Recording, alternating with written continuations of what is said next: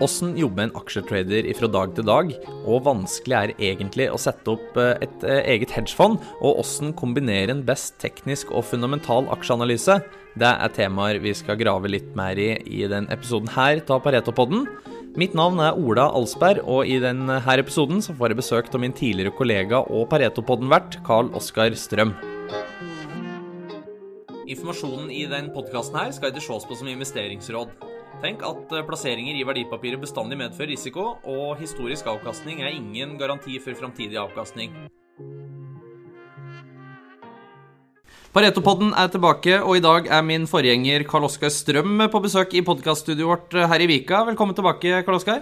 Takk, takk. Det var hyggelig å bli invitert. Jo, Nå har det gått noen måneder siden du forlot eh, trygge og forutsigbare rammer her i Pareto for å satse på ditt eget eh, hedgefond, Paleo Fund. Åssen er den nye, nye tilværelsen? Ja, nå vet jeg trygge og forutsigbare rammer i meglerbransjen. Det har vel aldri vært, men eh, det, det, stemmer det. Nå jeg, jobber jeg for meg, meg, selv eh, i et oppsett. Har investorer med i, i fondet, og, og, det er det som er hovedfokus nå, å skape avkastning der. Mm. Åssen er tilværelsen som uavhengig investor da, kontra ansatt her? Hvordan kjenner du på det? Nei, altså, Det er jo store forskjeller. Det man ikke har, er noen å altså, I og med at jeg foreløpig har et veldig tight oppsett, det er bare jeg selv som er ansatt i dette her nå, gitt det der vi starter. Eh, men man, eh, man, har jo elektroniske kontakter, man får informasjon og oppfølging fra mange. Eh, før så jobbet jeg i ett meglerhus, nå får jeg oppfølging fra, fra mange meglere. Så man får en del informasjon derfra. Men, men, mye av det jeg gjør, er jo å ta egne beslutninger altså i all hovedsak, på, på hva som skjer i markedet, og ta posisjoner etter det.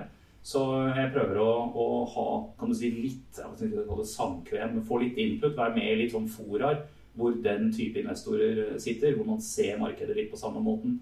Og Det er jo ikke for å følge andre, først og fremst, men det er på måte for å få av og til innspill til ideer som man kan se på. Når noen nevner en ticker, og her er det action eller kommet en nyhet, liksom, så kan jeg gå inn og se på det. Hvis det passer på tingene som måten jeg ser markedet på, så, så kan jeg ta en posisjon. og og det er verdifullt. Mm, og du har jo gitt deg sjøl ganske breie rammer, eh, rammer, med fondet her. Du, de er egentlig litt der du sjøl ønsker? ja, jeg, jeg, skrev jo en bok om, eh, om dette temaet eh, også. Altså, det er en del som spør hvorfor heter det paleo fund. Og det er jo fordi er jo, paleo er en forkortelse for paleolitic, egentlig, som er den, den, den latinske navnet på, på, den eldre steinalderen. Og eldre og eldre, det er altså tiden før jordbruksrevolusjonen. Du som kommer fra et jordbruksdistrikt, vet jo at det gjør jeg jo for så vidt før, før, man begynte å dyrke alle tingene og bygge disse gårdene der, så var det jo jegere og samlere som holdt til. Og, og det er jo egentlig det den boka heter eh, også. Paleo trading. How to trade like a hunter-gatherer. Hvordan handle som en jeger og samler. Og det samme gjør jeg i, i fondet. og det er en måte å beskrive strategiene på om at det er ganske fleksible, egentlig. Eh, det vil si at jeg, jeg prøver å, å, være aktiv når jeg ser grunnen til å være aktiv. Eh, er som en jeger. altså du, Jager du rein, så kan du ikke bare gå ut på vidda og skyte. Du må liksom aktivt lete etter reinen og komme i skuddposisjon, og, og, og så følge skyter. Eh, det er sånn jeg ser markedet også, og, og, det kan vi sikkert snakke litt mer om. Men, eh, men så er det da forskjellige måter og tradingteknikker å gjøre innenfor det. Men eh, det er det som skiller dette fondet fra de fleste andre. Det er jo at jeg, hvis jeg ikke gjør noe, så, så ligger jeg ikke passiv i markedsindeksen. Da ligger jeg passiv i cash. Mm. Den selektiviteten her som er ganske, ganske sentral. da. Ja, så jeg ser etter situasjoner å delta i for ofte relativt korte bevegelser, men det er jo innenfor fondets mandat å kunne ligge lenge også, så lenge liksom bevegelsen går i riktig retning. Mm.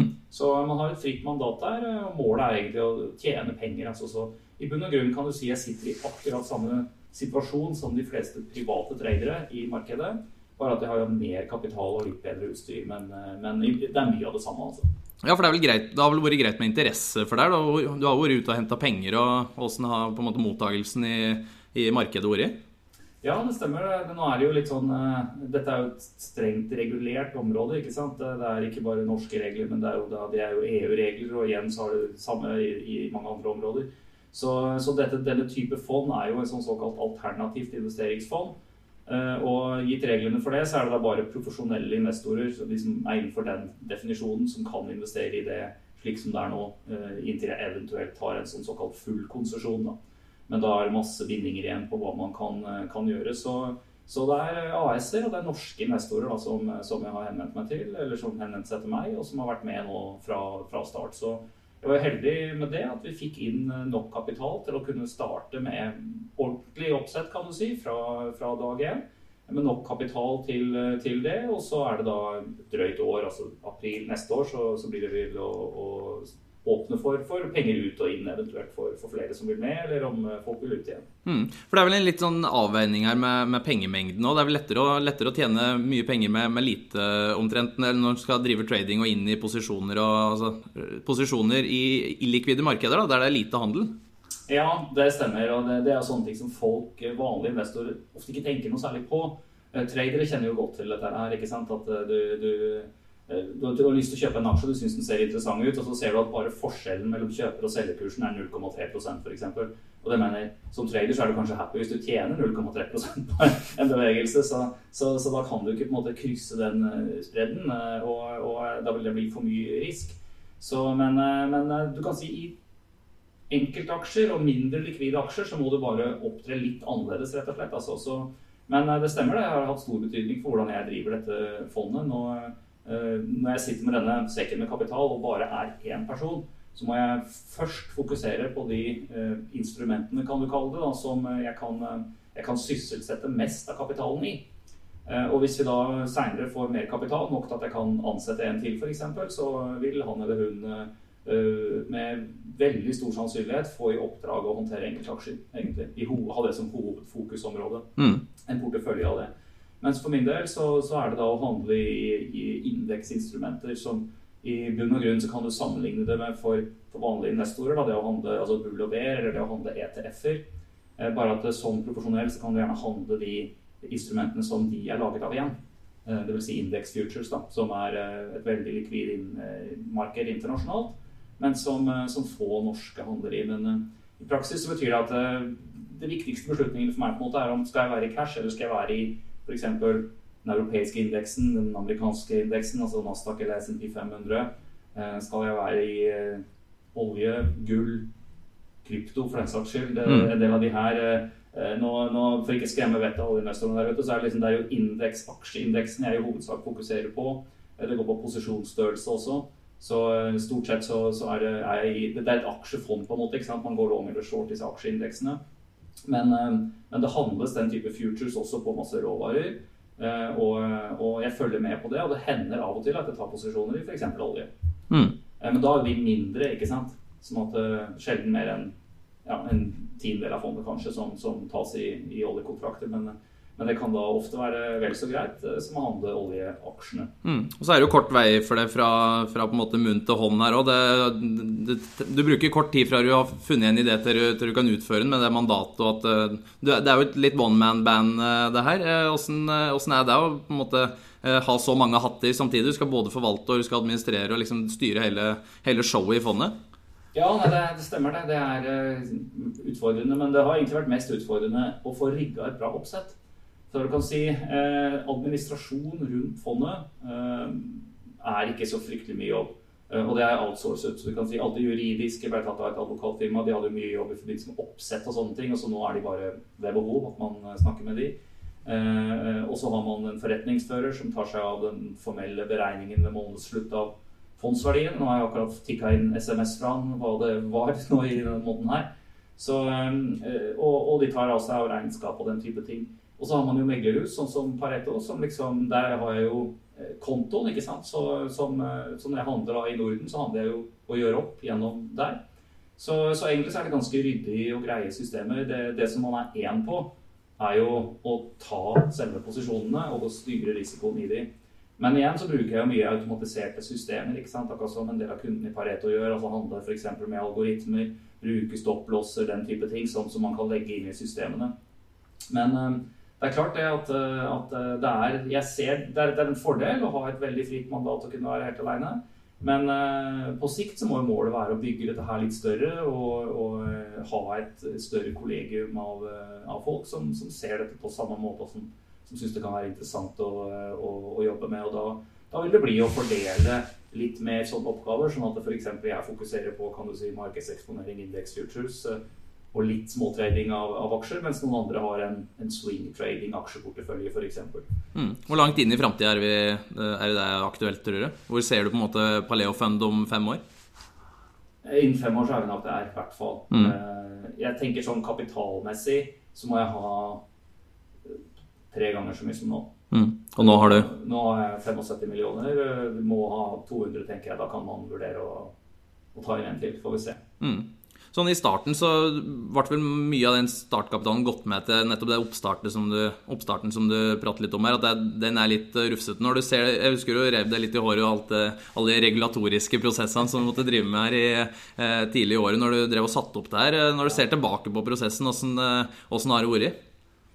Nei, altså jeg begynte jo altså man, Selv om jeg jobba i bransjen i mange år, så, så er det jo ingen som man kan, man kan litt om de tingene her, men du kan ikke mye om det. Du kunne nok til at jeg kunne lese de riktige lovene og finne ut av liksom eh, hva som jeg trodde kunne gå an å få til av et oppsett.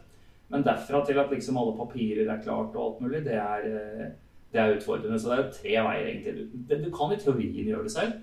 Da vil du nok bli sett veldig grundig på av tilsyn og den type ting, og det vil være vanskelig.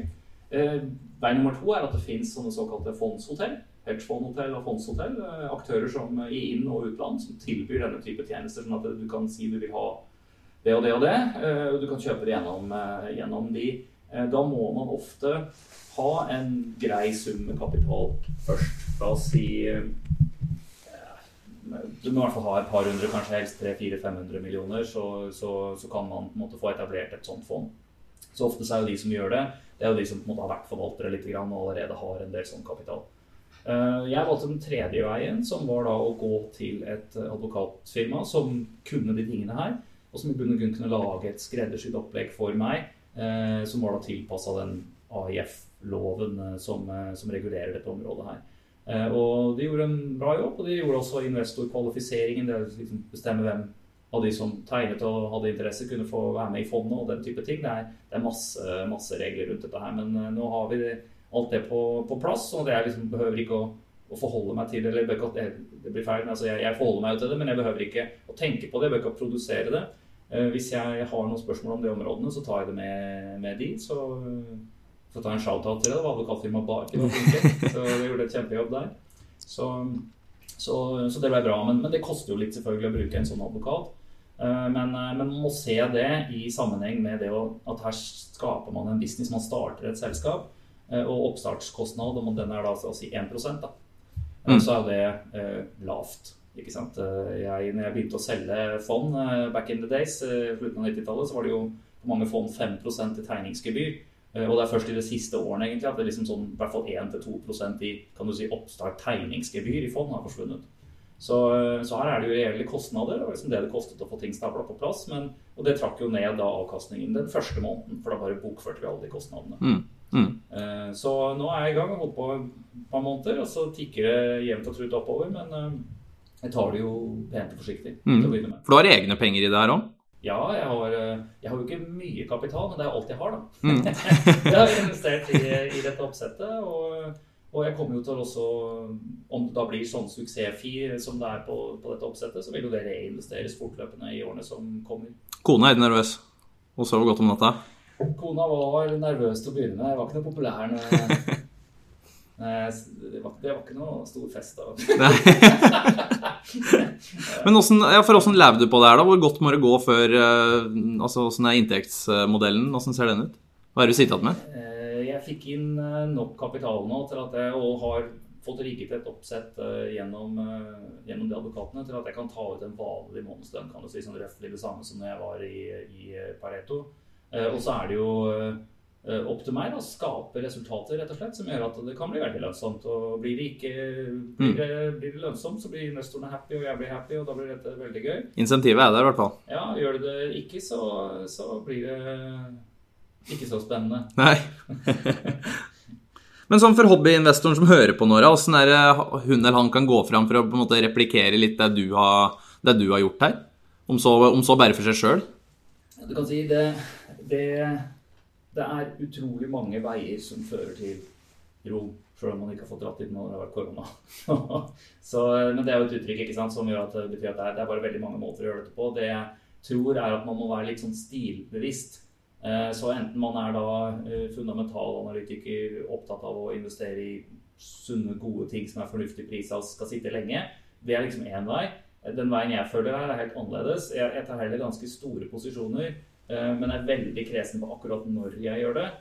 og på å, at det ikke skal bevege seg mye i feil retning før jeg går ut igjen. Så, så, så for min del så er det at jeg jeg liker ikke å tape penger, rett og slett. Også, hvis man er litt tilbake til den jeger-samler-sammenligningen, eh, så er det liksom forskjellen på å sette et garn, og så drar du det opp av og til og ser om du har fått noe. Eller det å stå og kaste med sluk, eller liksom kaste med spyd eller skyte med, med børse. Da, da, må du på en måte gjøre Det er en helt annen presisjon da, i gjennomføringen av det. Eh, men, eh, men, det er også mye mer jobb bak hver enkel posisjon og beslutning.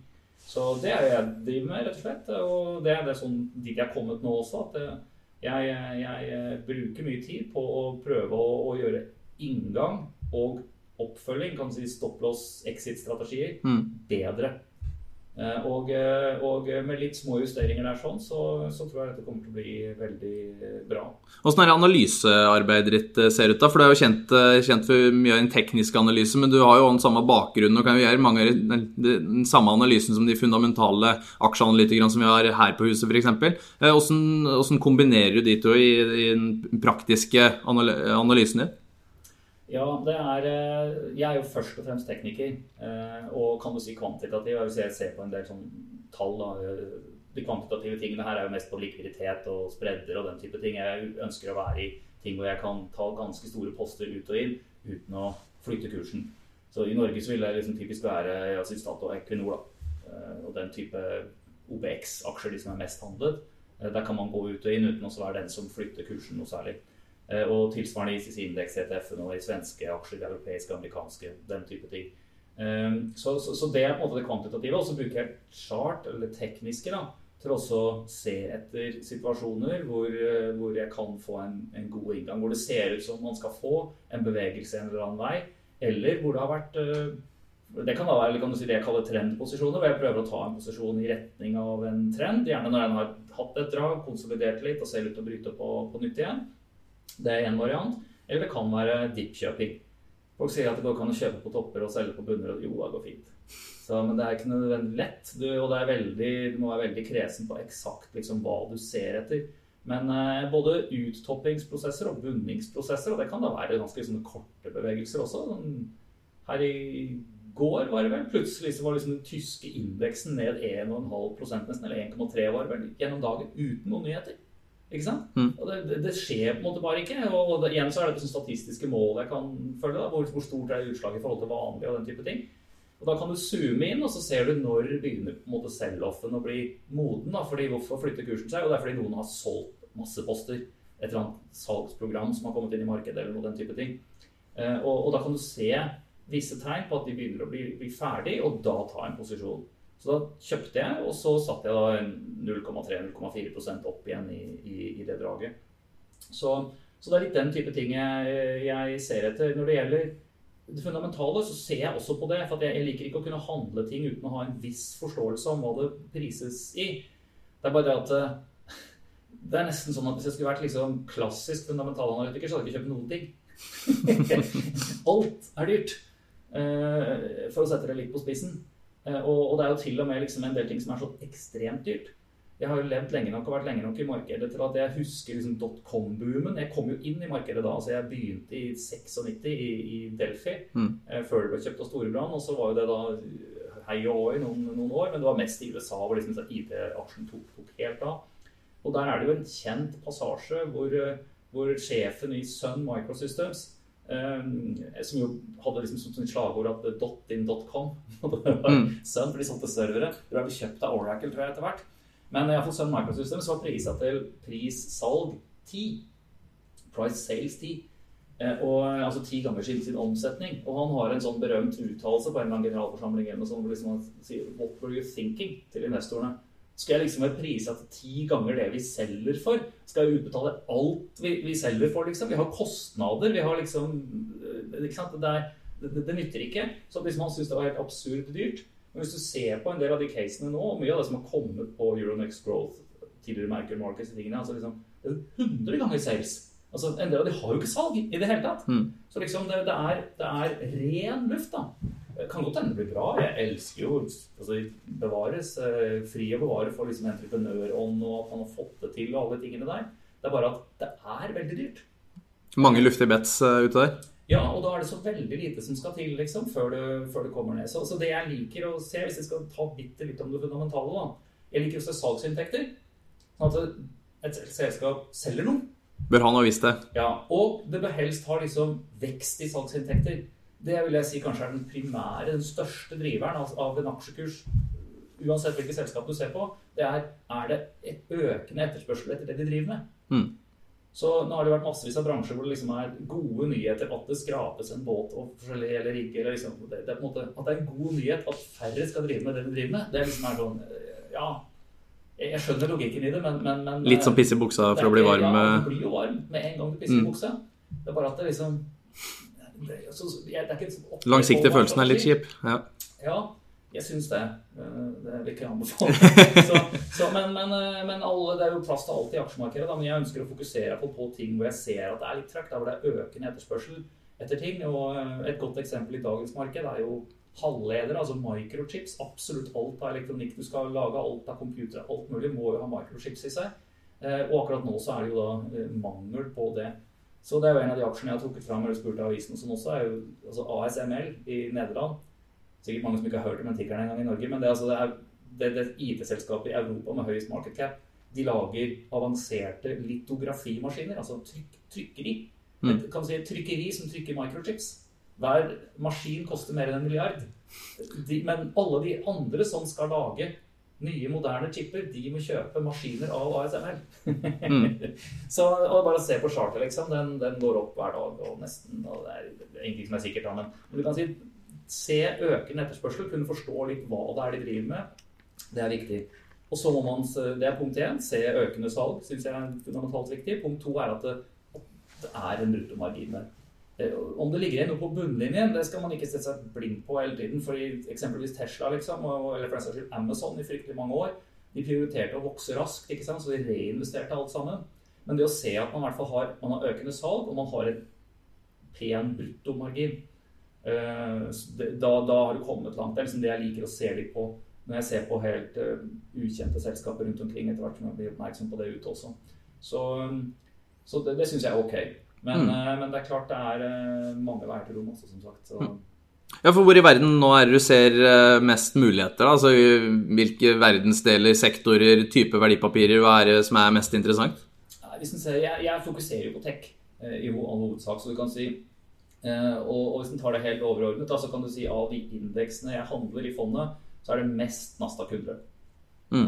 Så det, det er liksom de 100 største selskapene i, på Nasdaq, og der har man jo du har Apple, Amazon, Google, Facebook, alle de der, der eh, som, som man kjenner godt. Eh, innenfor det igjen så er det kanskje to segmenter jeg kikker mye på. Det ene er halvledere. eh, Microchips. Det finnes jo en ETF som heter ja det finnes flere, men Semiconductor Holders, rett og slett. Det er, det er en, en gruppe av disse to varianter. En som er bare med amerikanske, og en som er med kan si, globale. Den er aktuell, for der er det bra trøkk. Og så kikker jeg litt på eh, ARK Innovation ETF. Rett og slett den til Katie Wood, som er veldig kjent i og har laget mye bra. Lager bra videoer, sånn som deg og jeg vi har gjort her også. Um, som, som går mer i de innovasjonsaksjene, de veldig kraftige vekstaksjene. Veldig god uh, indikator på liksom risikovilje og retning i, i økonomien. Så jeg har liksom sett på Nasdaq, og så har jeg sett på de delsegmentene, og for så vidt også på bitcoin. Selv om jeg ikke har handla mye i bitcoin, så, så er det en sånn når, når den er veldig tung, så, er liksom, så, så skjønner du at det er mange som tar på penger av de som liksom har hatt risikokapital å bruke på, på andre ting. Mm.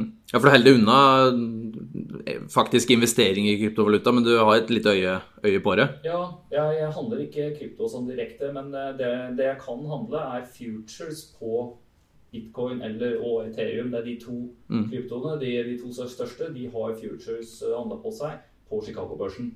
Eh, og det er jo der også disse oljekontraktene og for så vidt indekskontraktene og sånn handles. Så, så det er gjennom akkurat det samme opplegget, og da har du ikke de risikoene med, med motpart og hacking og alle de tingene der som, som man har på, eh, på eh, om man skal gå direkte i det underliggende. Mm. Men sånn Wall Street bets og sånn meme-aksjer og, og greier, da, der må det vel være mye muligheter for en, for en trader? er ikke det? Ja, jeg følger litt med på det.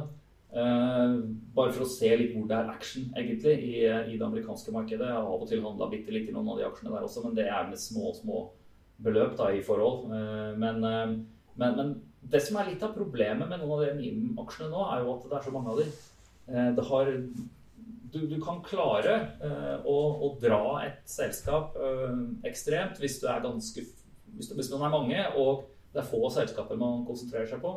Men nå har jo en del av de altså Det er alltid tilbud og etterspørsel i markedet. ikke sant? Så Til å begynne med så hadde man grupper av tradere som da gikk i hop, og, og, så kjøpte de Og de sier jo at de ikke samarbeider og sånne ting, men mm. la oss si de inspirerer hverandre, da iallfall. Så, så går de på og, og presser disse kursene voldsomt.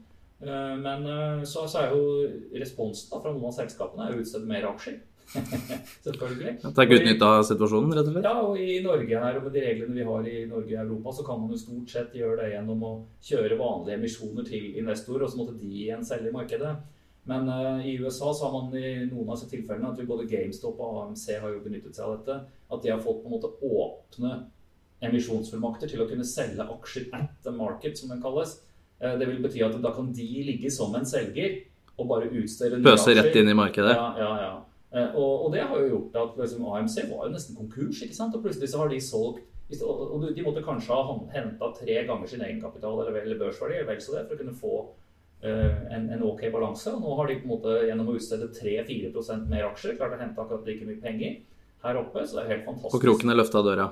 For de, ja, ja. Mm. Så, så, så, det er klart at det er bra, men, men, plutselig så er det mange mer aksjer da, som er uh, holdt. ikke sant? Så i den enkeltcase er plutselig tilbudet økt. Uh, pluss at du da har en del hedgefond som sikkert har dekket, sånn at du har ikke den, det momentet der uh, lenger. og så har du at, at mange flere cases har begynt å bli tatt. Mm. Um, Summa summarum, du holder deg unna, men uh, ja, spennende å følge med på. Liksom, ja, men den type fenomener dukker opp av og til. ikke sant? Så mm. Det er bare det at du, du, du kan ikke du, det, er, det, det, er sånn energi og fokus. hvis Du liksom kan ikke fokusere på 17 ting. Du må fokusere, Fokus betyr det motsatte. Mm. Så liksom på enhver dag, en god dag, altså kan man kanskje klare å holde fem sånne aksjer varme i, i det amerikanske markedet, men, eh, men ikke 50, liksom. Mm. Så, men jeg føler litt mer på det bevares, men det er ikke der, det er ikke der hovedfokus ligger. det er ikke. Nei. Nei. for det er jo en masse risiko der, og du, som trader så er jo en, et naturlig element eh, med risiko. Åssen er, kanskje litt stort spørsmål, men hvordan er forholdet ditt til risiko og når du jobber med det daglig? Ja, det er jo helt sentralt, egentlig. Det er jo det som er på en måte eh, Man kunne omformulert og sagt at jobben til en forvalter er risk management. Eh, det er jo det er på en måte både å være jeger og ta, finne situasjoner hvor jeg kan ta på posisjoner. Eh, kjøpe aksjer, for å sammenligne det med liksom det som er aktuelt for de fleste. Eh, men, men, så er det å styre postene. Og der går det på, på størrelsen på dem, hvor mye jeg kan tillate det å gå feil før det tar stopplås, den type ting. Eh, her bruker jeg regneark, altså, rett og mm. slett. Mm. Så jeg, jeg, ser på en posisjon, jeg ser hvor likvid er den, liksom, og hvor, hvis jeg kjøper den på det nivået, hvor, også, hvor vil jeg sette stopp?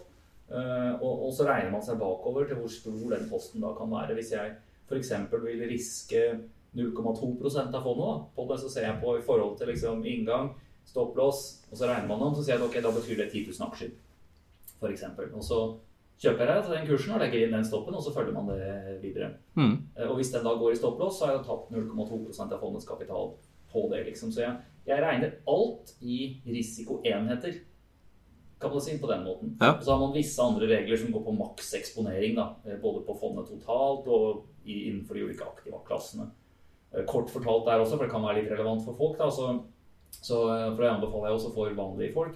Hvis du skal begynne med aksjer og er nysgjerrig på det, kjøp noen fond, kjøp noen ETF-er, som jo er fond, bare børsnotert, og så kjøper du litt aksjer ved siden av. Og Sånn er det jo også her. ikke sant? Som jeg skrev i det fondsmandatet mitt også, som jeg beskriver denne risikoen overfor investorene at i poster i fondet, eh, posisjoner da, som har kan du si, portefølje som underliggende, som jeg kaller det så pent, da, men det er jo å kjøpe en indeks eller kjøpe en ETF. Eh, der kan jeg ha mye mer risk. altså Jeg kan tillate at det skal være opptil f.eks. 10% av fondet. Liksom svinge i svingninger. Mens på enkeltaksjer mye mindre, typisk 2 mm. ikke sant? Så, så, eh, fordi at du bør kjøpe f.eks. Nasdaq 100, så kjøper jeg jo 100 aksjer. Jeg kjøper ikke én, egentlig. Bare man gjør det i én smell. Så det er, eh, det, er, eh, det er, alfa og omega, det å styre risiko og ha kan du si, en, en forståelse av hva man gjør der. Men Du har en ganske sånn kald tilvenning til det, eller er det lett å bli litt heit i toppen og hoppe på litt sånn uh, kjøpsmuligheter når du ser det der og da, og kanskje kaste regnearket litt til side? Nei, det har jeg vent meg av, rett og slett. Ja. Men det er klart man man må, eh, man må jo ta disse beslutningene. Da. Og, og, jeg sitter jo og måler alt dette her også. Og, og har jo tatt det veldig forsiktig nå etter at jeg starta dette fondet. Jeg vil prioritere å, å, komme godt i gang, komme over plussiden etter alle kostnader og sånn er tatt. Eh, jobbe med den prosessen jeg, jeg har. Eh, og, og, nå er vi på god vei der. Så et godt bilde er jo egentlig hvis du på en måte er viking, da, skal ut på tokt. Så bygger du et vikingskip og det bygges i tre, du klinker i hop med nagler, da må det ligge og tråtne litt først. Sånn at det blir ordentlig tett før du kan legge ut på tokt. Hvis du tar et eh, eh bare, bare sjøsetter det og så skal ut, så, så blir du våt, altså. Mm. Da blir det tungt å ro. Det er jo et spørsmål mange kanskje har til profesjonelle tredjere, Åssen utstyr, eller åssen verktøy er på en måte du har? Hva er, hva er av programvare, meglerhus, PC-er? Ser, det ut som, eh, ser det ut som Wall Street på hjemmekontoret ditt? Ja. ja det, det, det, det gjør jo litt det. Men eh, det, si, det som er litt annerledes i forhold til om man hadde spurt fem eller ti år tilbake, da, det er jo at, eh, at eh, Jeg nevnte jo tidligere i stad at liksom, okay, mange av tjenestene for drift av fondet er outsourcet. Men også mye av teknologien, altså kan du si for handel, handels- og informasjonssystemer, er jo blitt tilgjengelig for alle nå. Det var jo en av de selling pointene jeg hadde i Pareto her òg. At man har litt avanserte systemer. Systemer som egentlig brukes av proffe tradere. Eh, det er nå tilgjengelig for eh, kan du si, kvalifiserte enkeltpersoner. Dette er jo verktøy. Det er liksom sånn som en motorsag. altså Skal du fyre i gang med den, så bør du også ha sikkerhetsutstyret og et lite kurs i hvordan du bruker det. liksom. Eh, det er, for det er jo ikke noe, det er ikke noe filter, eller du kan styre filtrene selv. Og så gjøre disse, disse transaksjonene. Så, så man, må, man, må, kunne det, men, men verktøyene fins der, og det er, lett, det er, billig og lett tilgjengelig, egentlig. Mm. Så, så alle kan gjøre dette her, men det er klart Eh, sitter du og handler eh, aksjer som hobby ved siden av en full jobb og den type ting, så, så, er det jo disse vanlige nettløsningene. Da kommer du jo langt med det. Og jeg bruker jo jeg bruker Infront sine systemer jeg også for, uh, som hovedinformasjonssystem og, ja. og, som handelssystem, i hvert fall for mye av det jeg gjør i, i Norden.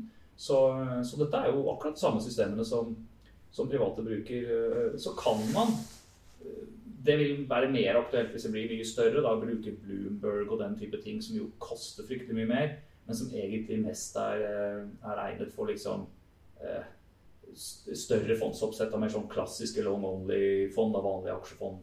ting. Så for å, være en vanlig, for å være en dyktig trader så behøver du ikke aller beste utstyret. Men for jeg ser jo på Twitter for eksempel, at det er folk innreder hjemmekontor med 14 skjermer og masse dilldall. Men uh, har det egentlig noe for seg? Blir det noe, blir det noe blære av det?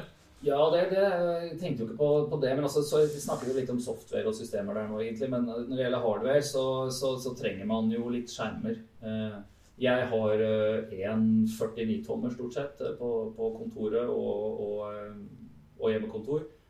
Pluss den laptop-skjermen. Og det er litt lite.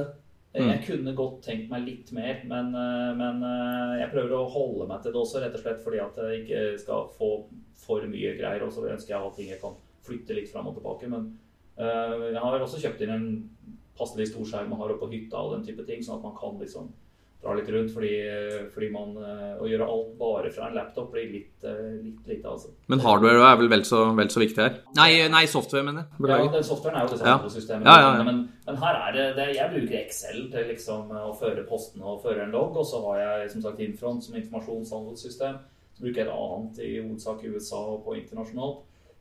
Men, eh, men, det er tilgjengelig for, for alle. Altså det, er, det, er, systemer som er vanlige. Mm. Hvor, er, hvor, lenge er fondet vært oppe nå?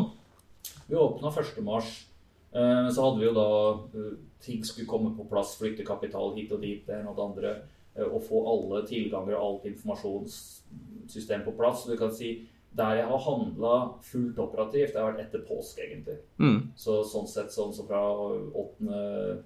april, eller hva det blir. Sånn, mars, april, 8. april. Mm. Ja røftlig rundt der etter påske, da, da jeg kommet tilbake. Og, og, etter det så har det jo ikke vært en sånn voldsomt stor oppgang i mange av de markedene jeg har vært i, egentlig. Det har vært en uh, ganske trang trading range. Litt har det drevet uh, oppover, men, men, det har vært et veldig blanda bilde.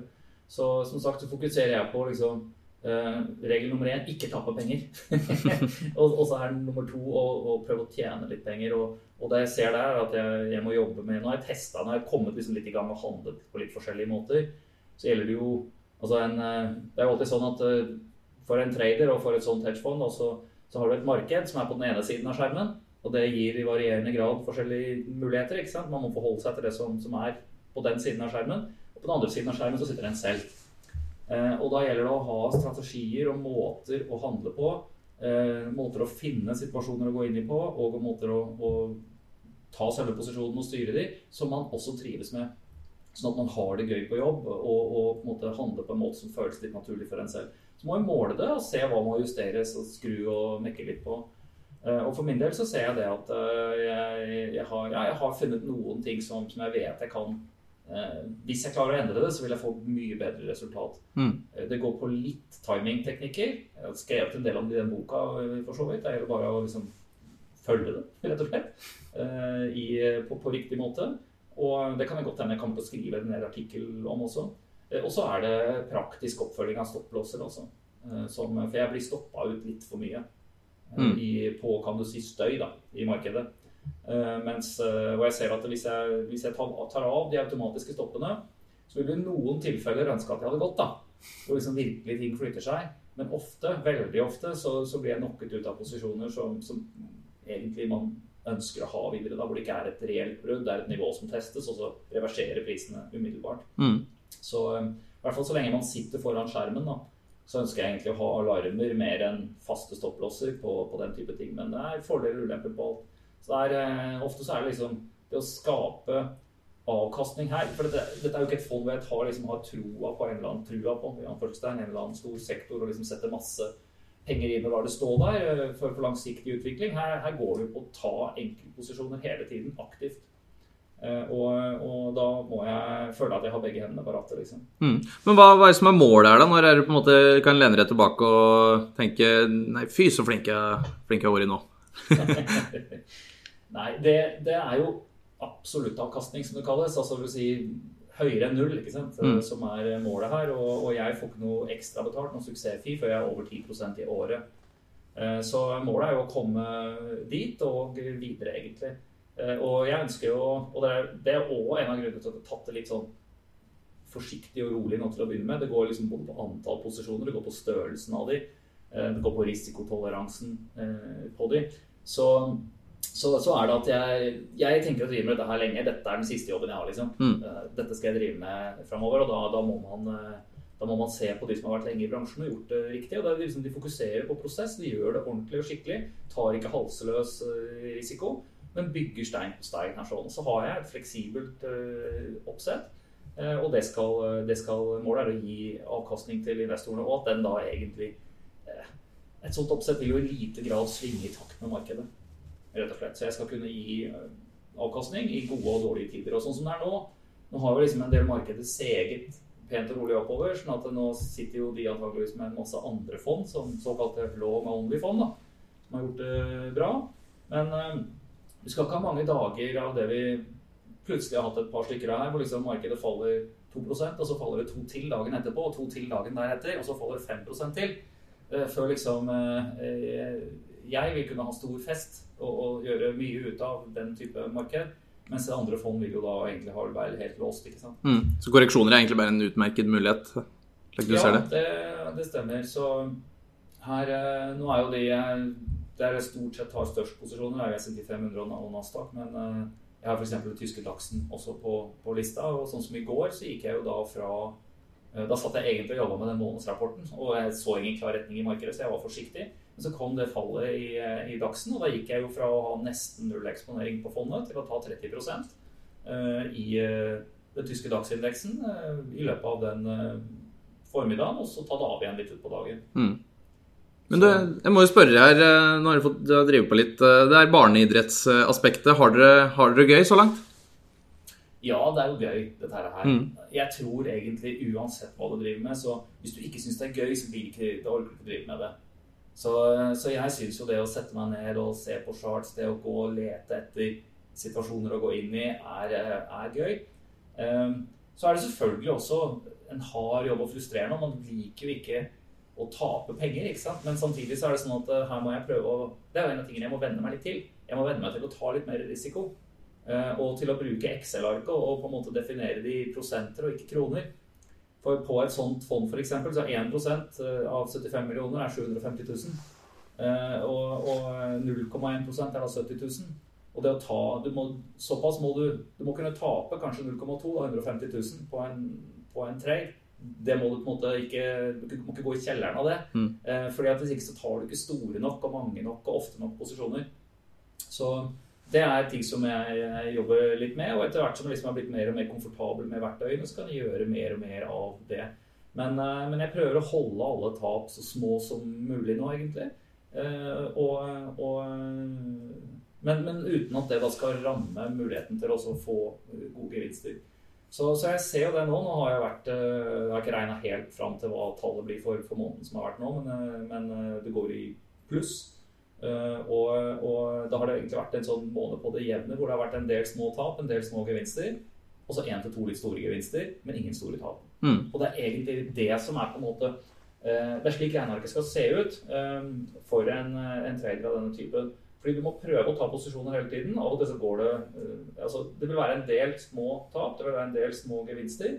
Men så må man prøve å få med seg noen av de litt lengre dragene. Men det skal ikke være noen store tap. Ja, for sånn Når du tar sommerferie nå, da selger du ut alt og sitter med alt i cash og spenner på dere sandalene og, og reiser til Granca? Eller, ja. eller, har du, eller har du posisjoner inne? Du, Det er jo et veldig godt spørsmål, og svaret på det er at jeg kommer jo til å dra på ferie. For det første blir det Norge, ikke Granca, eh, i år. Eh, og eh, det blir å dra på ferie med computer med. Men det kommer nok ikke til å være så veldig mye aktiv trading. Ja, kanskje altså at man sitter litt på morgenen, litt på ettermiddagen når, i forbindelse med USA-åpning. Det blir kanskje, men det blir en litt roligere frekvens. Og det vil jo typisk bli å kunne ha litt mer langsiktige posisjoner med litt videre stopper, men som mm. da litt mindre posisjoner. Eh, så eh, jeg kommer til å se etter det, men, eh, men det har jo egentlig vært sånn helt siden oppstart av fondet at jeg, jeg, har hatt har i liten grad sittet med veldig mye i markedet egentlig av posisjoner. Mm. Varierer selvfølgelig fra dag til dag, men, men, det er også noe av det som har gjort at det, det har ikke gått har ikke holdt helt følge med indeks da, så langt. For jeg har liksom ikke lukket øya og kjøpt for alt eller at det ligger. Men det kan finnes andre tider hvor hvor det er eh, mye av det for min del. Jeg må liksom få en god inngang. Og føle at jeg kan eh, La oss si det, det kommer en korreksjon, den stopper ved et teknisk nivå. Konsoliderer litt der, og så snur det igjen. Da har jeg på en måte et, et, et punkt, et prispunkt å forholde meg til. Hvor man på en måte mye mer komfortabelt kan ta en, en skikkelig posisjon da, og ligge. Mens der vi har vært nå, så føler man at det er litt sånn oppe i de øverste etasjer eh, eh for mange ting. Eh, mm. og at eh, det er lite som skal til før før uh, man da får en liten korreksjon. Men jeg er ikke noe bearish, jeg. Altså, det, det, er ikke, det er bare det at man, man sitter her og, og, bruker kan du si, mikroperspektivet på markedet, og da, da, er det akkurat hvilken pris du kjøper på, er viktig. Mm. Men vi får, vi får, begynne å runde her, Karl Oskar. Hvordan, ser sommerplanene dine ut? Blir det Tour of Norway? Ja. Laste opp Teslaen og ja, ja, kjøre rundt? Jeg har to Teslaer nå, vet du. Å, jeg har fått enda en? Ja, ja, for jeg har, jeg, begynner å bli flere sjåfører. Den eldste sønnen min er 18, og så var jeg innom butikken eller på eller verkstedet her, og da var det jo et godt tilbud. Han er jo av og til på verksted når han har Tesla.